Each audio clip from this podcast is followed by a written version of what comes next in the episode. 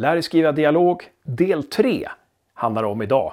Idag ska jag lära dig att trycka ut karaktärerna mot deras gräns och gärna över den. Men innan det, ta och prenumerera så missar du inte nästa avsnitt heller. Nu kör vi!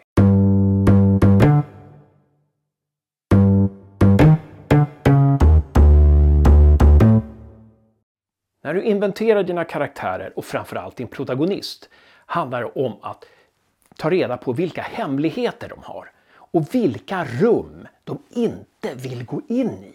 Vad de är som mest rädda för och var de inte trivs någonstans. Och när jag pratar om rum så kan det vara psykologiska rum, men det kan också vara fysiska rum. Alltså ett psykologiskt rum som man inte vill vara i är ju lika verkligt som ett fysiskt rum. Och sen har du tagit reda på dina karaktärs och din protagonists hemligheter och tagit reda på vilka rum de inte vill gå in i. Vad de är som mest rädda för. Då ska du trycka ut dem mot de där gränserna och gärna över den gränsen. I vanliga livet, i ditt privata juridiska liv, då så ska du naturligtvis vara trevlig mot människor.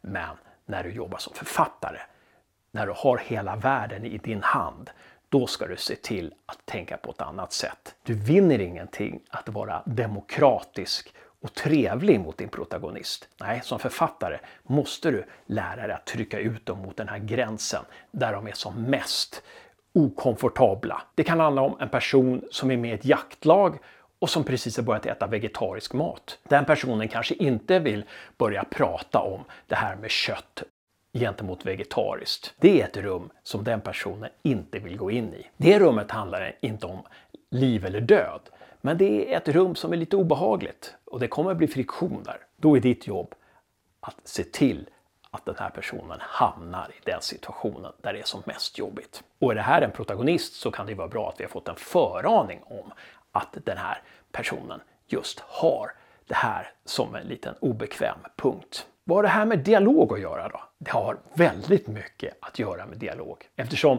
om du vet din karaktärs eller din protagonists gränser, var de är rädda, var de inte känner sig hemma och du trycker ut dem mot de här gränserna och låter dem träffa personer som de inte vill träffa, då kommer det skapas en otroligt intressant undertext. Och undertext, det är en av de själva poängerna med dialog. Om du fortfarande inte vet vad jag pratar om, då ska du få göra en övning.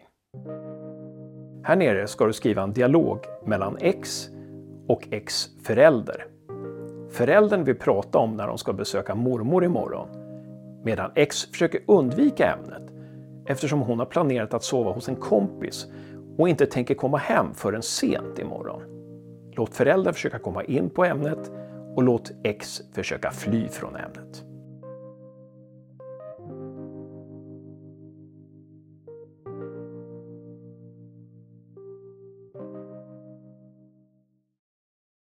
Och det här skapar en väldigt intressant psykologi. Läsaren får gärna veta saker och ting i förväg, men hon behöver inte veta det.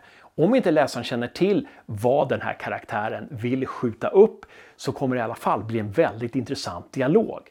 För läsaren kommer att känna att det är någonting med den här karaktären som gör att det blir en intressant dialog. Det är någonting med den här karaktären som inte stämmer, som inte är rätt. Och Det kan ju handla om att jag vill inte komma in på det här ämnet helt enkelt. Så jag tar varje chans, så fort det här ämnet närmar sig, så tar jag varje chans att skjuta upp det. Jag försöker prata om annat, eller jag kanske rent fysiskt försöker lämna platsen. Dock är inte det så himla bra om du låter folk lämna platserna när de är trängda i en situation. Du vill ju ha karaktärerna på plats när du ska skriva dialogen. Du vill ju att de stannar kvar där och utkämpar den här striden. Du vill ju att det ska bli jobbigare och jobbigare. Det var allt för det här klippet. Hoppas du fick med dig någonting. Lycka till med romanen!